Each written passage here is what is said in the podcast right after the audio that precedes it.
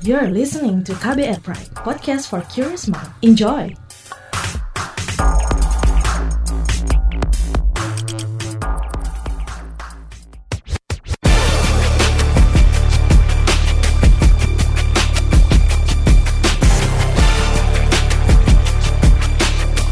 Cek fakta, cek fakta, cek fakta. Halo, ketemu lagi bareng gue Don Brady di podcast Cek Fakta edisi 5 Maret 2022. Kita bakal bahas top 3 hoax of the week yang beredar dari tanggal 27 Agustus hingga 2 September 2022. Hasil periksa fakta dengan tingkat engagement paling tinggi pada akun Instagram at turnbackhoaxid bersama Ari Bowo Sasmito, co-founder dan fact-check spesialis masyarakat anti fitnah Indonesia, Mavindo. Podcast ini bisa Anda simak di kbrprime.id setiap Senin dan di aplikasi podcast lainnya.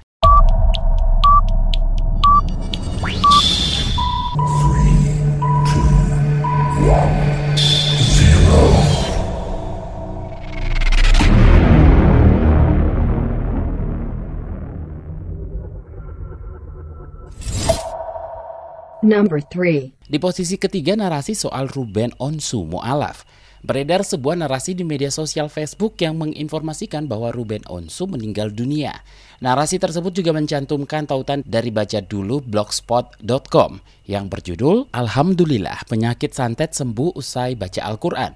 Ruben Onsu putuskan masuk Islam. Cek faktanya. Nah Mas Ari kalau sudah ada nama selebriti atau orang terkenal dicatut seperti ini biasanya ramai ini ya. Apakah karena itu ada di posisi ketiga minggu ini? Ya betul kalau berkaitan dengan figur publik, selebriti, tokoh politik atau tipe-tipe orang terkenal lainnya itu memang masih menjual entah itu dicatut dia sedang apa atau paling sering sih dibilang meninggal ya. Bahkan ada yang secara rutin bisa sebulan sekali misalnya dikabarkan meninggal ternyata enggak itu kok kayak rajin gitu ya e, meninggalnya bulan sekali gitu.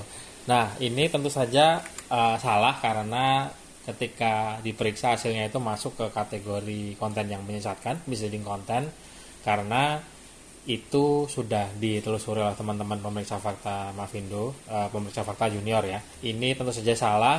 Ruben Onsu itu penganut agama Kristen dan tidak ditemukan informasi dari sumber-sumber otoritatif kredibel yang menginformasikan bahwa Ruben Onsu itu pindah agama termasuk dari akun Instagramnya dia yang sudah terverifikasi tentang biru. Artinya secara identitas ya memang itu terbukti punya Ruben Onsu dan kalau ada kabar apa-apa ada update, ada klarifikasi itu biasanya akan di oleh pihak-pihak yang berkepentingan dalam hal ini Ruben Onsu itu akan ditaruh di akun media sosial yang sudah terverifikasi. Number 2. Di posisi kedua, narasi soal meletakkan bawang putih di telinga bisa menyembuhkan sakit kepala dan sakit telinga. Sebuah akun Facebook memposting sebuah informasi mengenai cara mengatasi sakit kepala dan sakit telinga menggunakan bawang putih. Dalam postingan tersebut menyebutkan teknik pengobatan sakit telinga menggunakan bawang putih ini adalah dengan mengambil bawang putih yang telah dikupas, lalu diletakkan dengan hati-hati di bagian pembukaan telinga.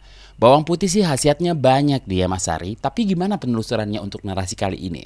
Bahaya nggak sih kalau informasi soal kesehatan semacam ini justru menyesatkan? Ya betul Mas Don, bawang putih itu memang khasiatnya banyak, tapi hasil penelusuran untuk periksa fakta kali ini ini masuk ke kategori konten yang menyesatkan. Karena betul banget kalau seperti yang Mas Don bilang informasi kesehatan yang menyesatkan itu bisa bahaya karena bisa-bisa urusannya nyawa gitu ya. Atau paling ringan itu seharusnya bisa sembuh dengan cara pengobatan yang benar tapi karena klaim-klaim yang secara ilmiah belum terbukti. Tidak semuanya ya tapi yang namanya terbukti secara ilmiah itu kan ada metode-metode yang tidak bisa hanya mengandalkan testimoni evidence based medicine gitu ya. Jadi itu sudah diteliti dan hasil penelitian memang secara ilmiah secara saintifik terbukti bahwa itu bisa menjadi obat gitu. Sudah cukup banyak juga metode-metode atau obat-obat yang alami itu sudah diteliti dan e, secara kaidah keilmuan bisa. Tapi dalam hal ini salah kalau dibilang si bawang putihnya secara langsung ditaruh gitu. Itu sudah ada yang mencoba dan terbukti justru si bawang putihnya itu membusuk di dalam telinga jadinya malah makin marah makin menyumbat menyumbat gitu udah infeksi udah puyang pusing eh malah ke sumbelan bawang putih busuk pula jadi tambah parah gitu ya. Nah sebetulnya tidak bisa kalau bawang putih itu langsung dioleskan atau bahkan dimakan mentah beberapa siung gitu. Tapi bisa digunakan dalam bentuk ekstrak gitu. Jadi sudah di ekstrak dikeluarkan e, cairannya. Nah ekstraknya itu bisa digunakan sebagai obat karena secara alami bisa membunuh bakteri. Tapi sekali lagi ini wajib dalam bentuk ekstrak ya. Nggak bisa kalau di dipotong-potong dimasukkan langsung ke telinga. Sekali lagi hati-hati karena resikonya bisa membusuk dalam telinga. Bukannya sembuh malah tambah parah. Dan nggak bisa juga kalau dimakan. Nah itu harus diekstrak lalu digunakan sebagai obat tetes telinga. Number 1. Di posisi pertama tangkapan layar dan narasi Ustadz Abdul Somad, hukum mencintai pasangan orang lain ternyata tidak dosa. Itulah nilai jihad. Sebuah akun Twitter mengunggah tangkapan layar dari berita portal Jember yang mengklaim bahwa Ustadz Abdul Somad melalui ceramahnya mengatakan bahwa mencintai pasangan orang lain tidak dosa dan justru merupakan jihad. Cuitan yang diunggah pada 15 Agustus tersebut telah disukai 460 kali, serta telah dibagikan dan dikutip ulang oleh lebih dari 100 orang. Sama seperti posisi ketiga kita nih mas, ada nama selebriti atau orang terkenal. Tapi kalau yang ini bagaimana penelusurannya? betul Mas Don ini membawa-bawa atau sebutlah mencatut gitu lah orang terkenal, figur publik atau bahkan selebriti. Nah dalam hal ini yang dibawa-bawa adalah Ustadz Abdul Somad yang ini cukup beresiko untuk menimbulkan gesekan atau friksi karena Indonesia ini termasuk masyarakatnya masyarakat yang religius dan family oriented gitu. Makanya untuk hal-hal yang sifatnya sara termasuk membawa-bawa nama pemimpin agama tokoh agama itu bisa menimbulkan gesekan sara begitu ya. Eh, itu hal yang bahaya. Nah ini hasil penelusurannya. Selain ini masuk ke kategori konten yang menyesatkan. Ini masuk juga ke HLBK karena di awal tahun ini juga di Januari 2022 itu sudah pernah dibuatkan artikel periksa faktanya. Sekali lagi ini masuk ke konten yang menyesatkan karena judul artikelnya itu memotong konteks gitu. Ustadz Ustadz Abu Somad sering disingkat sebagai UAS itu menyampaikan bahwa mencintai pasangan orang lain memang tidak dosa, tapi jangan diteruskan. Nah, setelah tapinya tadi itu dipotong gitu. Tentu saja kalau ada pemotongan konteks itu akan terjadi premis atau kesimpulan yang salah gitu karena harusnya yang disampaikan misal kalau pakai angka 1 sampai 10 gitu ya yang harusnya disampaikan itu utuh 10 dia berkurang jadi 8 atau malah tinggal separohnya 5 yang tentu saja sisanya itu jadi kepotong dan tidak tersampaikan dan itu yang membuat uh, kesimpulan pelintiran, uh, premis pelintiran gitu ya. Tan tapi intinya ini hoax berulang.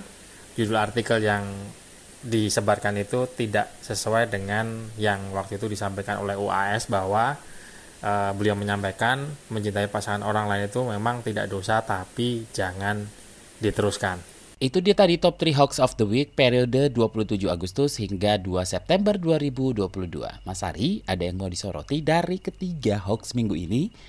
Ya, Mas Don ada yang mau saya soroti adalah yang merajai, yang mendominasi kategori yang mendominasi semua peringkat di minggu ini. Tiga-tiganya itu kan masuk ke kategori misleading konten atau konten yang menyesatkan. Dan salah satu ciri khas dari konten yang menyesatkan itu HLBK diulang-ulang gitu ya. Jadi sudah pernah dibuatkan periksa faktanya itu disebarkan lagi, lagi dan lagi karena ada apa ya ungkapan yang menyebutkan bahwa kebohongan yang diulang-ulang itu lama-lama akan diterima sebagai kebenaran. Makanya minta tolong jangan bosan dan jangan stop ikut membagikan hasil periksa faktanya Mavino dan teman-teman di cekfakta.com karena kalau hoaxnya diulang-ulang tentu saja kami juga akan membagikan artikel periksa faktanya diulang-ulang juga gitu. Khawatirnya ada yang sudah lupa dan menganggap bahwa uh, tadi ya bahwa yang disebarkan berulang-ulang itu bisa diterima sebagai kebenaran. Itu sudah ada waktu itu kalau nggak salah sebetulnya FOF ya false falsehood atau semburan dusta gitu. Jadi uh, selain diulang-ulang jumlahnya sengaja dibikin banyak masif itu sampai orang sudah susah membedakan mana yang benar mana yang salah. Contohnya kemarin tidak lama barusan berlalu dan semoga nggak kembali lagi pada saat pandemi COVID-19 kemarin ya itu ada istilah pandemi, ada istilah infodemi. Pandemi itu penyakitnya sendiri dan infodemi itu sesuatu yang tidak kalah bahaya seperti si penyakitnya, seperti pandeminya. Infodemi itu campuran dari informasi benar dan salah yang ke kecampur dan jumlahnya masif banyak sampai orang itu kesulitan untuk membedakan mana yang betul mana yang salah gitu. Jadi minta tolong jangan bosan kalau melihat hoax yang diulang-ulang yang tentu saja artikel periksa faktanya akan kami ulang-ulang juga untuk membagikan karena untuk mencegah bahwa orang lupa dan karena sering disebar-sebarkan lagi-lagi dan lagi lalu orang ada yang menganggap bahwa itu benar atau bahkan ada yang juga menyepelekan ya gitu. Kayak gitu aja ngapain sih ulang-ulang dikasih tahu gitu ya? Karena itu e, tidak sedikit orang yang sifatnya selain pemaaf pelupa sebetulnya pemaaf itu bagus gitu e, memaafkan gitu ya. Tapi masalahnya pelupanya itu yang kalau dalam hal berkaitan dengan hoax berkaitan dengan informasi salah bisa jadi pada saat disebarkan pertama kali orang itu sudah tahu bahwa itu hoax tapi karena diulang-ulang-ulang-ulang